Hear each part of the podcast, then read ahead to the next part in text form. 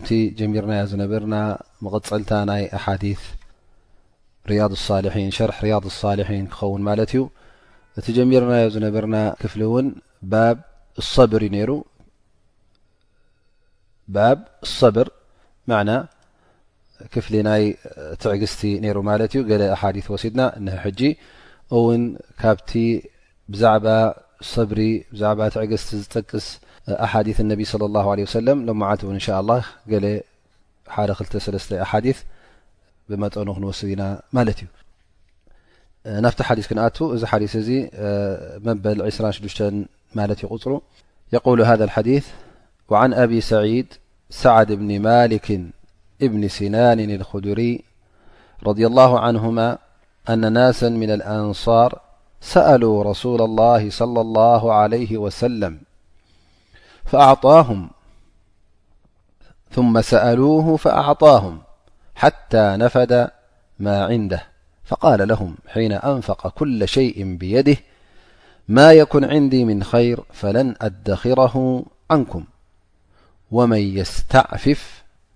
يعفه الله ومن يستغن يغنه الله ومن يتصبر يصبره الله وما اعطي احد عطاء خيرا واوسع من الصبرمتفق علي يثرب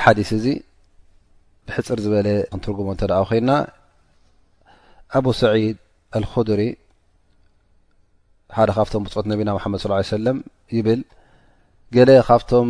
ኣስሓብ ነቢ ምን ኣንሳር ካብቶም ተቐማጦ መዲና ዝነበሩ ኣስሓብ ነቢ ለ ላ ለ ወሰለም ነቢና ሓመድ ለ ላ ለ ወሰለም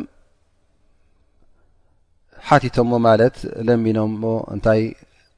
ገለ እንተ ኣለዎ ኮይኑ ማል ገንዘብ ገለ ክህቦም ፈነቢ صለ ላه ለ ሰለም ሂብዎም እንደገና እውን ሓቲቶሞ ሂብዎም ክሳዕ እቲ ኣብ ኢዱ ዝነበረ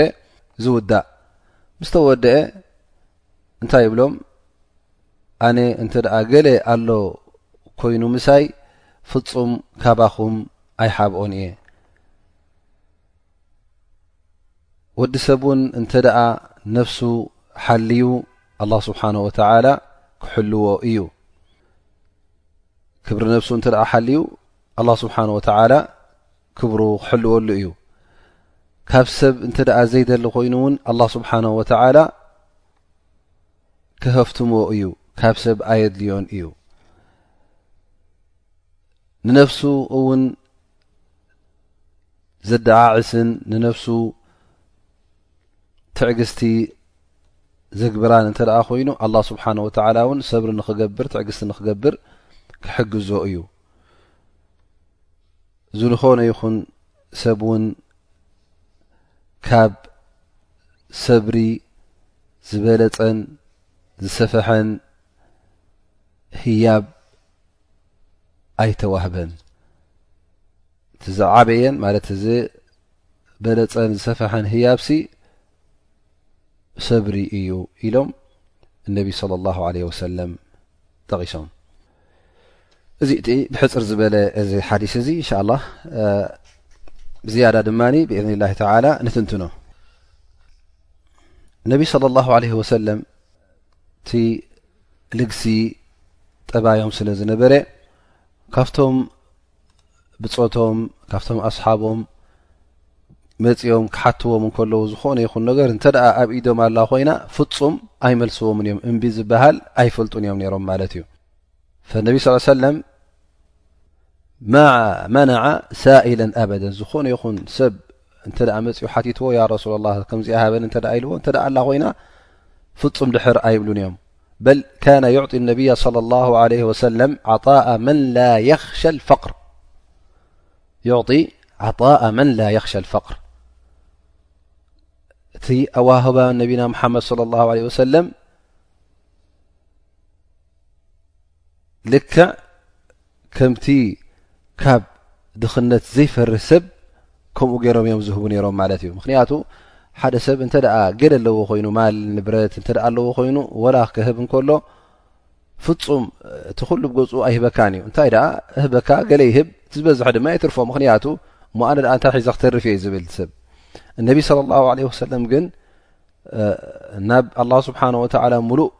ተወኩል ተፀጋዕነት ስለ ዝነበሮም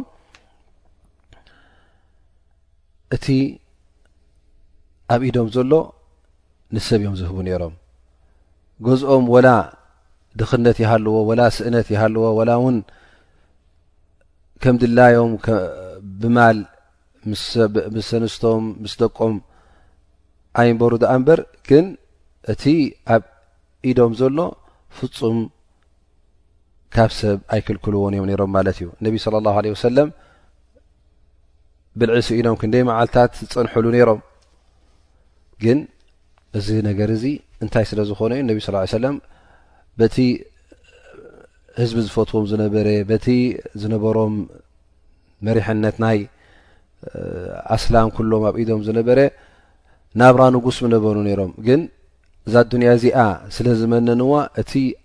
ኣብ ኣኼራ ዘሎ ሽሻይን ኣብ ኣራ ዘሎ ፍስሃን ራህዋን ስለ ዝመረፁ ፍፁም ናይ ኣዱንያ ነገር ግልፅ ይብልዎ ይነበሩ ናብ ገዝኦም እንነዊሕ መዓልታት እሳት ይእጎድ ኣይነበረን ማለት ብእሳት ዝስራሕ መግቢ ይረኽቡ ይነበሩ እንታይ ኣ ብልዑ ነሮም ከምቲ ዓይሻ ረ ላ ን ዝበለቶ ወርሒ ክልተ ወርሒ ማይን ተምርን ጥራይ በሊዖም ይሕልፍዎ ነሮም ክልተ ሰለስተ መዓልቲ እውን ምግቢ ዝስእንሉ ዝጠምዩኑ ነሮም ኣብ ከብዶም እምኒኣሲሮም ውን ዝውዕሉ ቐንዩሉ ነይሮም እዚ ሓዲስ እዚ እንታይ እዩ ዝብል ዘሎ እነቢ ስ ሰለ ገለ ካብቶም ኣስሓቦም ካብቶም ብፆቶም መፂኦም ምስ ሓተትዎም እነቢ ስለ ላ ለ ወሰለም ይህብዎም ነይሮም ማለት እዩ ትብኢዶም ዝነበረ ምስ ወደአ ግን ካበይ ከምፅሎም ስለዚ እንታይ ኢሎምም ማለት እዩ ኣነስ ኣብ ኢደይ ገለ ተዝህልወኒ ፍፁም ኣይመለስኩኹምን ነይረ ግን ወላ ሓንቲ ስለ ዘይብለይ ካባኹም ዝሓብኦ ነገር እየለን ካባኹም ዝዓቕሮ ነገር ንዓይ ክኾነኒ ኢለ የለን ኢሎም እነቢ ስለ ላሁ ለ ወሰለም መሊሶምሎም ማለት እዩ ከምዚ ኢሎም ምስ መለሱሎም ግን ኣነቢ ስለ ላሁ ለ ወሰለም ሓበሬታ ሂቦሞም ማለት እዩ ንመን ነቶም ኣስሓቦም ሓበሬታ ሂቦሞም ማለት እዩ እዚ ሓበሬታ እዚ እንታይ እዩ ይምልምልዎም ኣለዉ ማለት እዮም ይርብይዎም ኣለዉ ማለት እዮም ማለት እዚ ናይ ኣዱንያ ነገር ክሳዕ ክንዲቲ ክጓየይሉ ከምዘይብሎም ብዙሕ ካብኡ ክሓቱ ከምዘይብሎም እንተ ተረኪቡ ፅቡቅ እተዘየለውን ልቦምን ሃንቀውታምን ናብዚ ክኸውን የብሉ እንታይ ደኣ ናብ ጎይታ ክኸውን ኣለዎም ካብ ኣላ ስብሓን ወተላ ድማ ክጠልቡ ኣለዎም ናብዚ ነገር እዚ ወጅሀሞም ማለት እዩ ፈነቢ ስ ሰለም እንታይ ኢሎም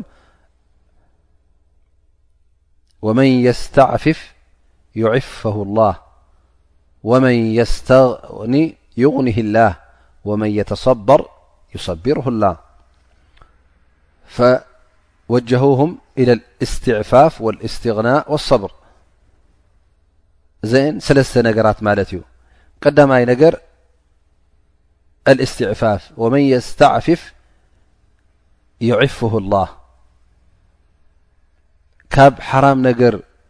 ንነፍሱ ዘርሓቀ ንነፍሱ ዘኽበረ ኣላህ ስብሓን ወተዓላ እውን ክብረት ይህቦ እዩ እንተ ደኣ ግን ሱቕ ኢልካ እዛ ነፍስኻ እዚኣ ኩሉ ውንታ ናታ እንተ ተማልኣ ኣላ ኮንካ ንኣብነት እንተ ዊንታ ናይ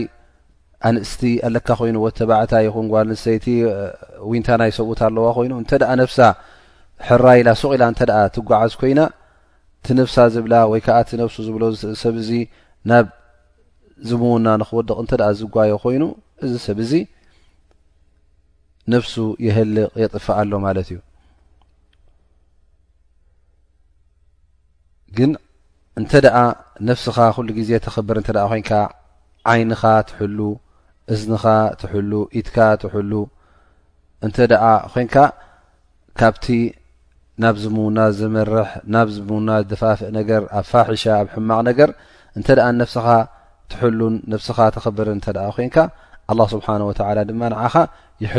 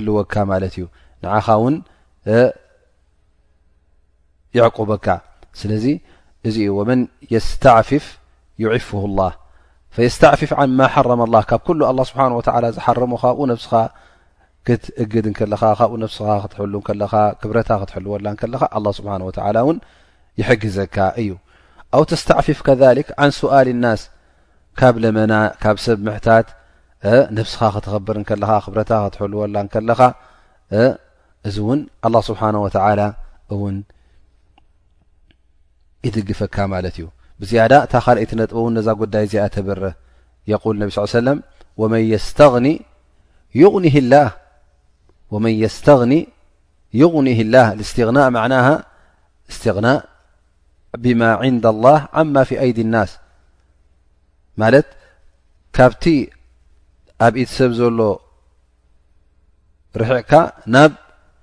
ኣብ ኢድ ኣላ ስብሓን ወተላ ዘሎ ናብኡ ግልፅ ንኽትብል እንተ ደኣ ከምኡ ጌይርካ ማለት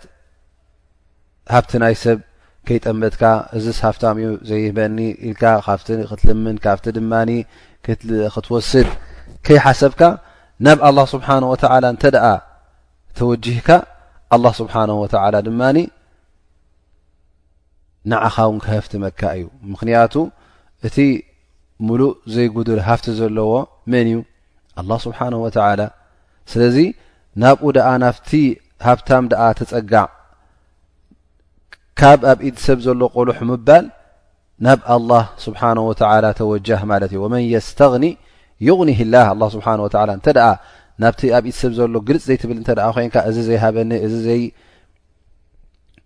ከፈለለይ እዚ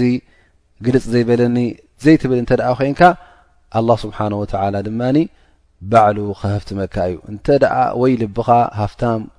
ክገብሮ እዩ ማለት እዩ ግን እንተ ኩሉ ግዜ ግልፅ ምልፅ ትብል ኮይንካ ኣብ ኢት ሰብ ዘሎ ሃብቲ ናብኡታት እተ ትጥምት ኮይንካ ኩሉ ግዜ ልብኻ ድኻ ኮይኑ ወላ ኣብ ኢትካ እተ ገንዘብ ኣሎ ኮይኑ ጥራይ ኣብ ኢት ሰብ ዘሎ ክትጥምት ልብኻ ድኽነት ክዓስሎ እዩ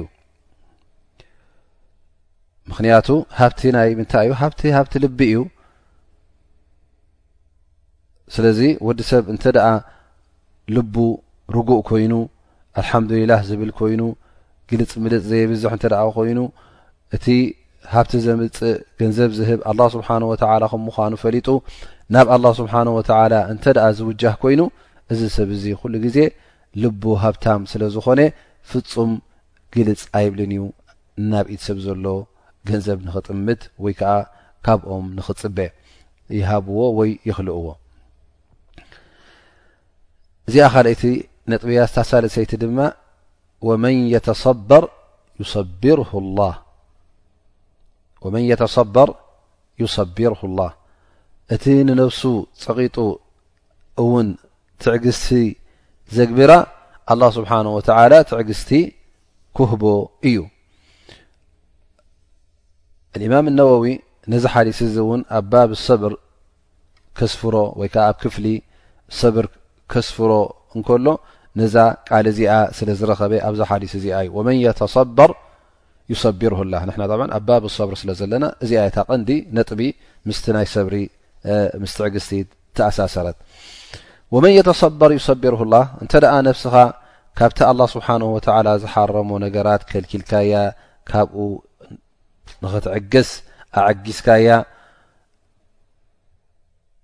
ወላ ውን ስእነት ይሃልኻ ድኽነት ይሃልኻ ካብ ሰብ ከይሓተትካ ብትዕግስቲ እንተ ነዛ ነፍስኻ እዚኣ ገጥ ኣቢልካያ ካብ ገንዘብ ሓራም ምስራቅ ይኹን ምዝማት ይኹን ምዝራፍ ይኹን ምህጋር ይኹን ብዝኾነ ይኹን መልክዕ ካብ ምውሳድ እንተ ነፍስኻ ገጥ ኣቢልካ ሒዝካያ ኣዐጊዝካያ ኣላ ስብሓን ወተላ እውን ሰብሪ ከግብረካ እዩ ክሕግዘካ እዩ ኣን ወመን የተሰበር ዩሰቢር ላ ሽግር ዘየጓንፎ የለን ናይ ገንዘብ ሽግር ክኸውን ይኽእል እዩ ወይ ውን ናይ ሕማም ክኸውን ይኽእል እዩ ናይ ስእነት ክኸውን ይኽእል እዩ ስለዚ እታ ነፍሲ ነዚ ነገር እዚ ብምንታይ እያ ትሰግሮ ቀዳማይ ነገር ሰብሪ ክህልወካ ኣለዎ እዛ ሓዲስ እዚኣ ብዝያዳ ኣብቲ ቅድም ተጠቕሰ ናይ ገንዘብ ምሃብ ናይ ህያብ ስለ ዝኾነ ናይ ስእነትን ናይ ስኢኑ ሰብ ክሓትት ኣብኡ ዝጠቅስ ስለ ዘላ እቲ ቐንዲ ሰብሪ ዝበሃል ዘሎ ሕጂ ኣበይ ናይ ጉዳይ ክኸውን እዩብዙ ኣብቲ ጉዳይ ናይ ስእነት ገንዘብ ስኢንካ ድኽነት ኣጓኒፉካ እሞ ነዛ ነብስኻ እዚኣ ተዓገሲ እቲ ርዝቂ ናይ ኣላ ስብሓን ወተላ እዩ ረቢ ክረዝቀኪዩ ናብ ረቢ ተወጅህ ኢልካ ነዛ ነብስኻ እዚኣ ገጥ ኣቢልካ ሒዝካ እሞ ከዓ እቲ ሓውኻ ይኹን ዘመትካ ጎረቤትካ ኣላ ስብሓን ወተላ እንተ ደኣ ርዝቂ ከፊትሉ ሽሻይ ከፊትሉ ፍፁም ናብኡ ግልፅ ከይበልካ ትብኢዱ ዘሎ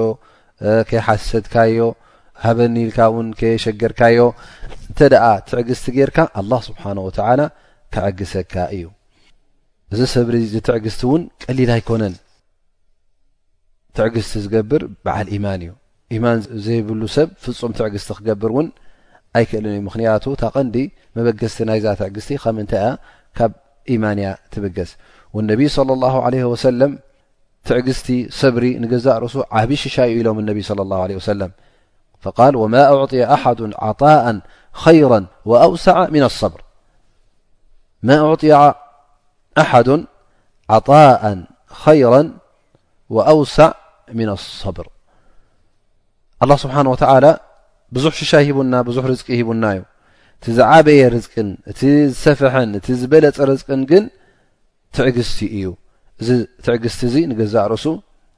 ሓደ ሽሻይ ወይ ከዓ ሓደ ካብቲ ኣላ ስብሓን ወተዓላ ዝረዝቀና ዝህበና ሽሻይ ይኸውን ማለት እዩ ስለዚ እነቢይ ስለ ላ ለ ወሰለም ይብሉ ኣለዉ እንተ ኣላ ስብሓን ወተዓላ ሰብሪ ሂቡኩም ትዕግስቲ እንተ ሂቡኩም ሲ እባ እቲ ር ኩሉ ደድሊብኩሞ ማለት እዩ ሰፊሕ ርዝቂ ኢኹም ተዋሂኩም ዘለኹም ሰፊሕ ሽሻይ ኹም ተሻሺኹም ዘለኹም እዮም ዝብልና ዘለዉ እነቢይ ስለ ላ ለ ወሰለም ምክንያቱ እንተ በዓል ሰብሪ ኮንካ ዝኾነ ይኹን ጉድኣት ዝኾነ ይኹን ሽግር ከጓንፈካ ከሎ ሰብሪ ትገብር ወላ እውን ሸይጣን ሕማቕ ንክትገብር ሓራም ንክትገብር እንተ ደፋፍኣካ ኮይኑ ብምንታይ ኢካ ትሰግሮ ነዚ ብሰብሪ ትወስወሳ ናይ ሸይጣን ትምድፍፋእ ናይ ሸይጣን ሰብሪ ክትገብር እንከለኻ ሓራም ነገር ክትርኢ እንከለኻ ሰብሪ ጌርካ ኣነስ ፈልከት ኣይብልን እየ ካብ ዘለኽዎ መርገፅ ኢልካ ቀጥ ክትብል እንከለኻ እዚ እዩ እቲ ሰብሪ ዝበሃል ማለት እዩ ኢዘን ሰብሪ ንገዛእ ርእሱ ዓብ ሽሻ እዩ ዓብዪ ርዝቂ እዩ ወዲ ሰብ ሓደ ሓደ ግዜ ካብ ሰብ ሕማቕ ነገር ሰሚዑ ክጎድእዎ እንከለዉ ብመልሓሶም ብዘረባ ብዝኾነ ይኹን እቲ በዓል ሰብሪ እንታይ ካ ትሪኦ ፍፁም ቅጭጭ ኣይብሎን እዩ ማለት እዩ ኣይቁጣዕን እዩ ኣይንድርን ሊኣኑ እዚ ዝወርዶ ዘሎ ካብ ሰባት እዞም ሰባት እዚኦም እንታይ ዩ በላእ ከም ምኳኑ ብትላ ምርመራ ፈተና ከም ምኳኑ ስለ ዝፈልጥ ነዚ ሕማቕ ነገር እዚ ነዚ ጉድኣት እዚ ብምንታይ ይገጥሞ ብሰብሪ ይገጥሞ ማለት እዩ ስለዚ ኩሉ ግዜ በዓል ሰብሪ እንታይ ኢኻ ትረኽቦ ልቡ ህዱእ ርግኣት ዝዓሰሎ ትኸውን ማለት እዩ ህድኣትን ርግኣትን ይዓስሎ ምክንያቱ እታ ልቡ ኩሉ ግዜ ምስ ጎይታ ተኣሳሰረ ስለ ዝኾነት እቲ ዘጓንፎ ዘሎ ሽግራት ድማ ኩሉ ነገር ብሰብሪ ስለ ዝገጠሞ እሞ ሰብሪ ክገብር ከሎ ድማ ኣጅሪ ከም ዝረክብ ስለ ዝፈልጥ እዚ ሰብ እዚ ታልቡ ኩሉ ግዜ ርግእቲ ኮይና ንረክባ ነቢ ለ ላ ለ ሰለም ትዝዓበየን ዝበለፀን ርዝቂ ተዋህቦ ወዲ ሰብ ሰብሪ እዩ ኢሎም እዛ ሓዲስ እዚኣ ይድምድምዋ ማለት እዩ ናይ ሎም መዓልቲ ቀዳመይቲ ሓዲስ በዚ ትድምደም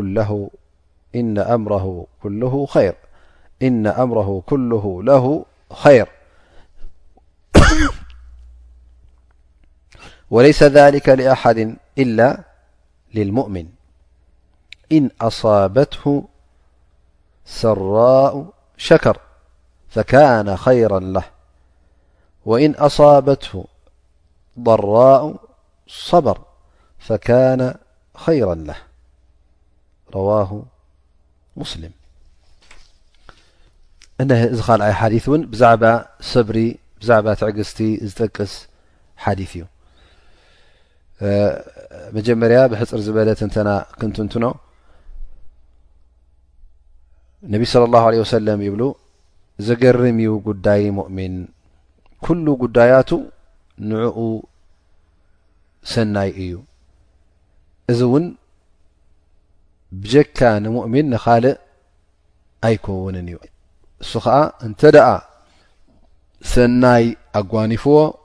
የመስግን እዚ ከዓ ንዕኡ ፅቡቕን ሰናይን እዩ እንተ ደኣ ጉድኣት ኣጓኒፍዎ ሽግር እተ ኣጓኒፍዎ ከዓ ይዕገስ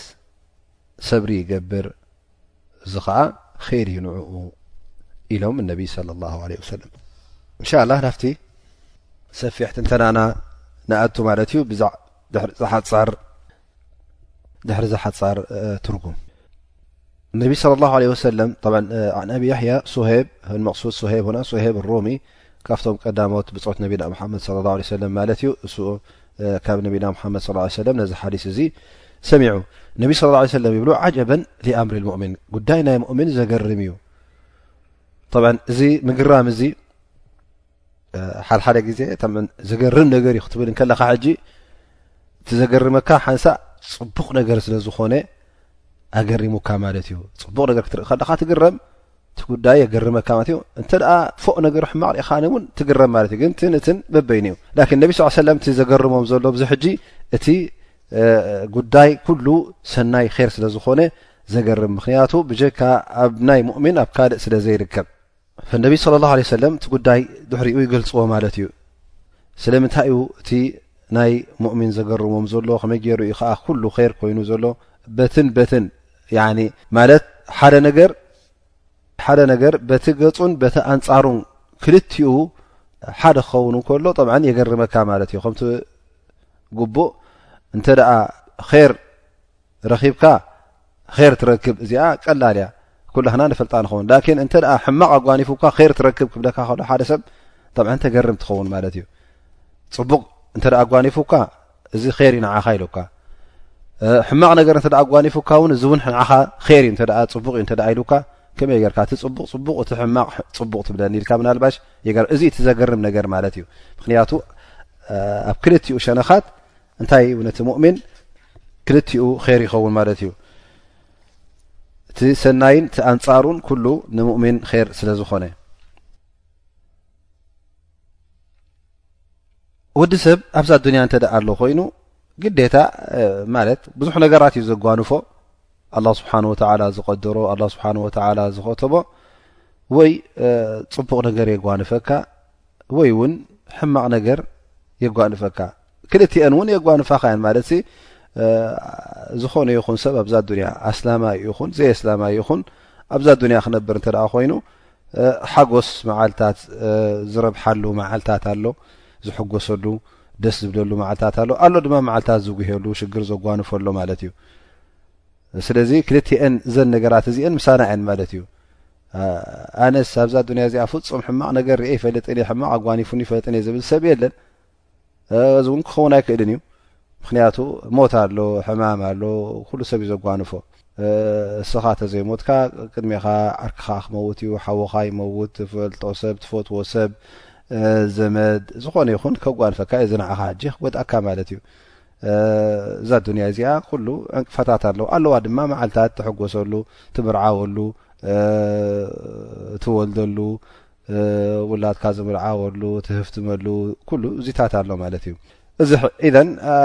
ንኩሉ ዘጓንፍ ማለት እዩ ንእስላማይ ይኹን ንዘየእስላማይ ንኩሉ የጓንፍ ግን ኣብዚ ነገር እዚ እተፈላለየ ይኸውን ማለት እዩ ጉዳይ ሙእሚን በይኑ እዩ ጉዳይ ክሓዲ ዘይኣምነ ከዓ በይኑ እዩ ሙእሚን እንተ ደኣ እቲ ኣላህ ስብሓን ወተዓላ ዘውረደሉን ዝቐደረሉን ዝጸሓፈሉ ጽሑፍቶ ኣብ ዝባኑ ክወርድ እንከሎ እንተ ደኣ ጉድኣት ኮይኑ እንተ ደኣ ሕማቕ ነገር ኮይኑ ናይ ሞት መሳሌ ናይ ሕማም መሳሌ ናይ ድኽነት መሳሌ ናይ ስእነት መሳሌ እንተ ደኣ ኮይኑ በዓል ኢማን እዚ ነገር እዚ ብኣላ ስብሓን ወተዓላ ከም ዝወረደ ስለ ዝኣምን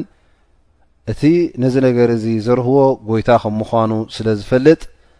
እንታይ ይገብር ማለት እዩ ትዕግስቲ ይገብር ኣየንፀርፅርን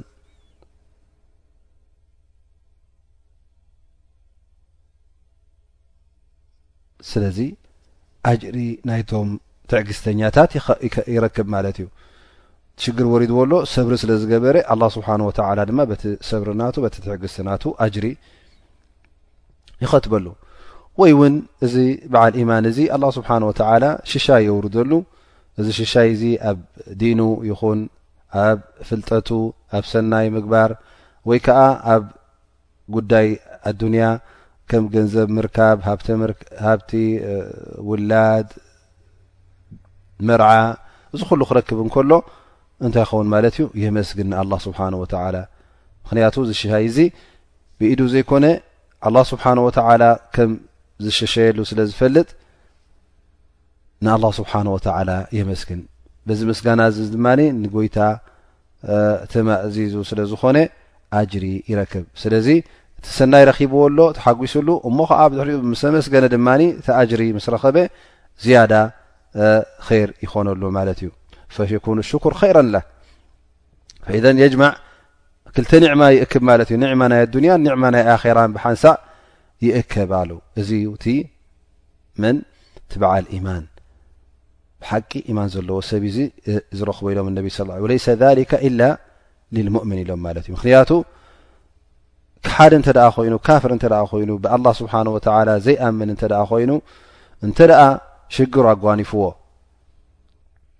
ጉድለት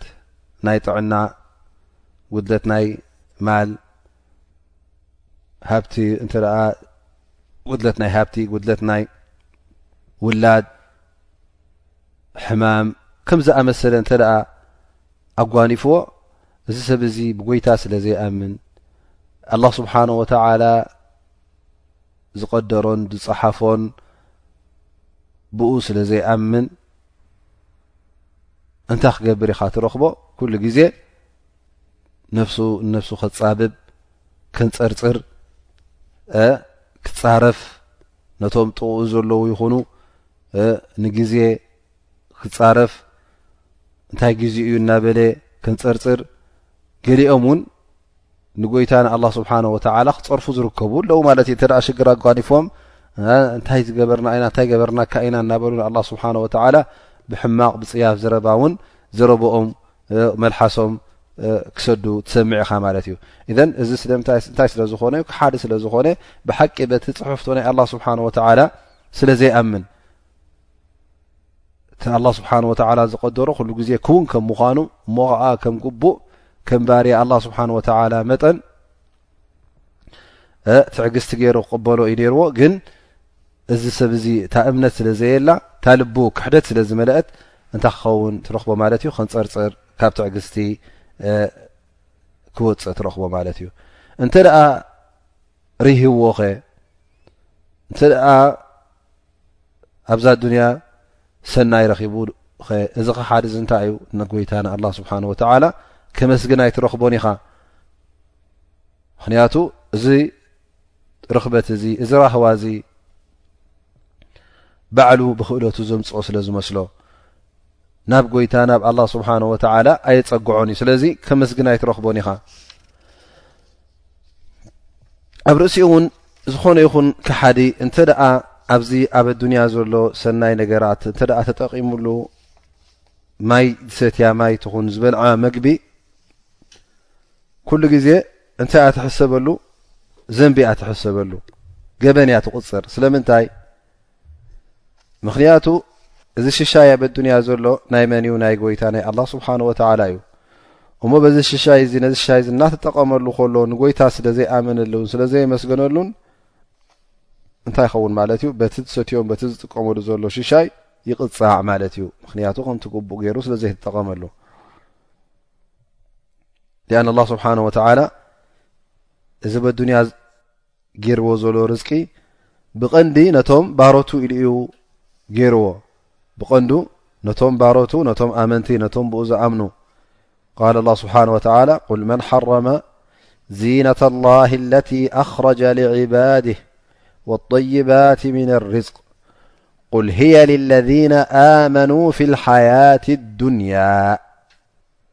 ኻሊሰተ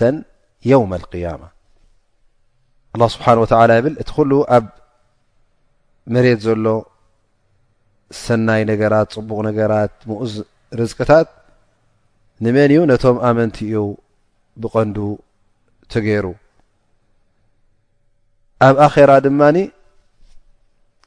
ሶምቶም ኣመንቲ ጥራይ እዮም ክረኽቡ ኣብ ኣዱንያ ምናልባሽ ቶም ክሓቲ ይጥቀሙ ኾኑ ግን ብቐንዱ ንመን እዩ ርዝቂ ተገይሩ ዘሎ ነቶም ብኣላ ስብሓን ወተላ ዝኣምኑ ኣላ ስብሓን ወተላ ንዕኦም እዩ ገይርዎ ስለዚ እቶም ኣመንቲ ቀዳምነት ኣለዎም ኣብ ኣዱንያ ወይ ከዓ ብቀንዱ እቲ ርዝቂ ንዕኦም ዩ ኣላ ስብሓን ወተላ ገይሮ እቲ ካ ሓደ ካብኡ ክጥቀም ከሎ እዚ ካ ሓደ እዚ ክጥቀም ኣይነበሮም ማለት እዩ ምክንያቱ ብኣላ በቲ ፈጣሪ ነዚ ርዝቂ ዝፈጠረ ኣላ ስብሓን ወተላ ስለ ዘይኣምን ስለዚ እቲ ዝበልዖ ዘሎ ንገዛእ ርእሱ ሓራም እዩ ንዕኡ ንመን ነቲ ከሓደ ሓራም እዩ ክበልዕ የብሉን እንተ ዘይኣምነሉ ኮይኑ እዚ ርዝቂ እዚ ብኣላ ስብሓን ወተላ ከም ዝመፀ ከመይ ገይሩ ይቐርቦ ስለዚ ከሓደ ኩሉ ግዜ እንተ ደኣ ሽግር ኣጓኒፍዎ ይኹን ወላ እውን ሰናይ እንተ ኣጓኒፍዎ ኩሉ ግዜ ኣብ ጥፍኣት እዩ ዘሎ ማለት እዩ በዓል ኢማን ግን ኢማን ዘለዎ ሰብ ኣብ ሽግር ትዕግስቲ ኣብ ራህዋ ምስጋና ስለ ዘረእይ ኣላህ ስብሓን ወተዓላ ኩሉ ጉዳያቱ ኼር ገይሩሉ ሰናይ ገይሩሉ ማለት እዩ ስለዚ እዚ ሓዲስ እዚ ናብ ምንታይ ደፋፍኣና ዘሎ ማለት እዩ ብቐንዱ ናብቲ ኢማን ይደፋፍኣና ኣሎ ማለት እዩ ናብ ኢማን ከነተኩር ምክንያቱ እዚ ሓዲስ እዚ እብለና ኣሎ እቲ ሙእሚን እዩ ኩሉ ነገራቱ ር ዝኾነ ኣብ ኒዕማ ናብ ሽሻይን ዘሎ ሙእሚን እዩ ከምኡ ውን እዚ ሓዲስ እዚ ኣብ ምንታይ ደፋፍኣና ኢማን ምስ ገበርና ድማ ሰብሪ ክንረክብ ከም ንኽእል ሕማቕ ከጓንፈና ከሎ ሰብሪ ንገብር እዚ ድማ ብጀካቶም ኣመንቲ ጥራይ እዮም እቶም ኣመንቲ ጥራይ ኣመንቲ ጥራይ እዮም ዝረኽብዎ ስለዚ እንተ ደኣ ሽግር ኣጓኒፉካ እንተ ደኣ ኣብ ሕማቕ ኩነታት ኣለኻ ኮንካ እሞ ኸኣ ነዚ ሕማቕ ኩነታት ብሰብርን ብትዕግስትን ትሓልፎ ኣለኻ ኣጅሪ ካብ ኣላ ስብሓን ወተዓላ እናተጸበኻ እንተ ደኣ ሰጊርካዮ ተረጋገጽ እዚ ነገር እዚ ምልክት ኣድራሻ ናይ ኢማንካ ከም ምዃኑ ምልክት ናይ እቲ ኣብ ልብኻ ዘሎ ኢማን ከም ምዃኑ ፍለጥ ኢኻ። እንተ ደኣ ብኣንጻሩ ግን ዝኾነ ይኹን ሕማቕ ነገር ከጓንፈካ ከሎ ክልበትበት ርበሽበሽ ትብል እንተ ደኣ ኮይንካ እንታይ ከም ትገብሮ ዝጠፍኣካ እንተ ደኣ ኮይኑ እዚ ነገር እዚ ምልክት ናይ ምንታይ እዩ ድኽመት ናይ ኢማን ከም ዘለካ ክትርስዕ የብልካ ናብ ጎይታኻ ድማ ክትምለስ ኣለካ ቶባ ክትብል ኣለካ ካብ ስራሕ ወፂእካ ይኹን ወይ ሓሚምካ ወይ ውላድካ ሓሚሙካ ሰበይትኻ ሓሚማትካ ኣቦኻ ኣዴኻ ሞይቱካ እዚ ኩሉ ነገራት ክርከብ እንከሎ እንተ ናይ ረበሽበሽ ናይ ምሽጋር ናይ ዓቕሊ ፅበት ተርኢ እንተ ኮይንካ ኣንታ ሙስሊም ኣንታ ኣማኒ ኢማንካ ረቂቕ እዩ ዘሎ ማለት እዩ ኢማንካ ኣይተረረን ማለት እዩ ከምኡ ንዚ ሓዲ እዚ ትምስጋና ክሳዕ ክንደይ ምልክት ናይ ኢማን ከም ምኳኑ የርእየና ማለት እዩ ምስጋና ርዝቂ ኣላ ስብሓን ወተላ ክበካ ከሎ ርዝቂ እውን ክተመስግን ከለኻ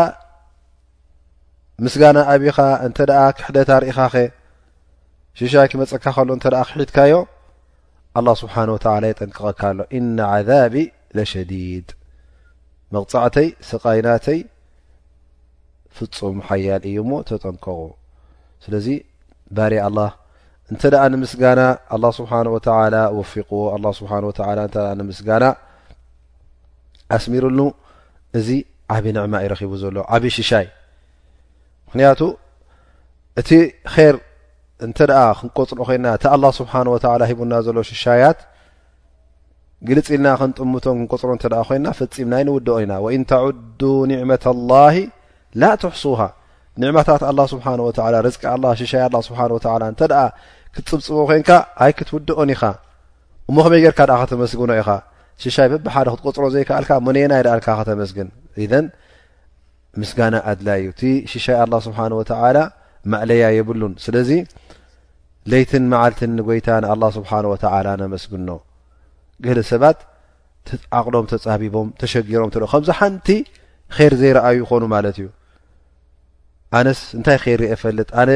ኩሉ ዕድመይ ውርደት ኩሉ ዕድመይ ሽግር ክብል ትሰምዕ ንኣብነት ሃ ማ የንበቂ እዚ ነገር እዚ ክበሃል የብሉን ከመይ ጌርካ ኩሉ ነገራት እዚ ኩሉ ሽሻይ ኣላ ስብሓን ወተላ ዓይንን ስንን ኣፍን ጥዕናን ሂቡካ እንከሎ ከመይ ጌርካ ኣነ ሓንቲ የብለ እዚ ኩሉ ሽሻይ እ ክንደይ ሰብ እንዶ የለን ዓይኒ ዝሰኣነ ክንደይ ሰብ እንዶ የለን ጥዕና ዝሰኣነ ክንደይ ሰብ ዶ የለን ዕድመኡ ዝሓፀረ ክንደይ ሰብ ዶ የለን እዛ ኣዱንያ እዚኣ ሓንቲ ከይረኣየላ ዝመውት ሙስኻ እዚ ሉ ነቢርካ ዕድመ ሂቡካ ኣ ስብሓ ወ እዚ ሉ ሽሻይ እዚ ሉ ርቂ እናረእኻ ከለኻ ካብ ስራሕ ወፅየ ዶ ዓመት ዝኸውን ወይ ሽዱሽተ ወርሒ ዝኸውን ስራሕ ኣይረኸብኩን ኢልካ ኣብ ሸገርገር ኣብ ከልበትበት ክትኣት ከለኻ እዚ ዘይከውን ነገር እዩ ዘይፍቀድ ነገር ማለት እዩ ስለዚ እቲ ኒዕማታት ኣላ ስብሓን ወተላ ሂቡና ዘሎ ቀሊል ነገር ኣይኮነን ከነመስግኖ ኣለና እቲ ምስጋና ንግንሳ ርእሱ ናብ ምስጋና እውን ከብቅዓና ከሎ ኣላ ስብሓን ወተላ ዓብ ምስጋና እዩ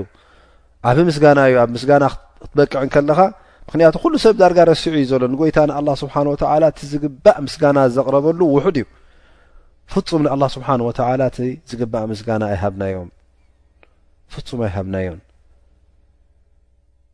ወእን ተዕዱ ኒዕመት ላሂ ላ ትሕሱሃ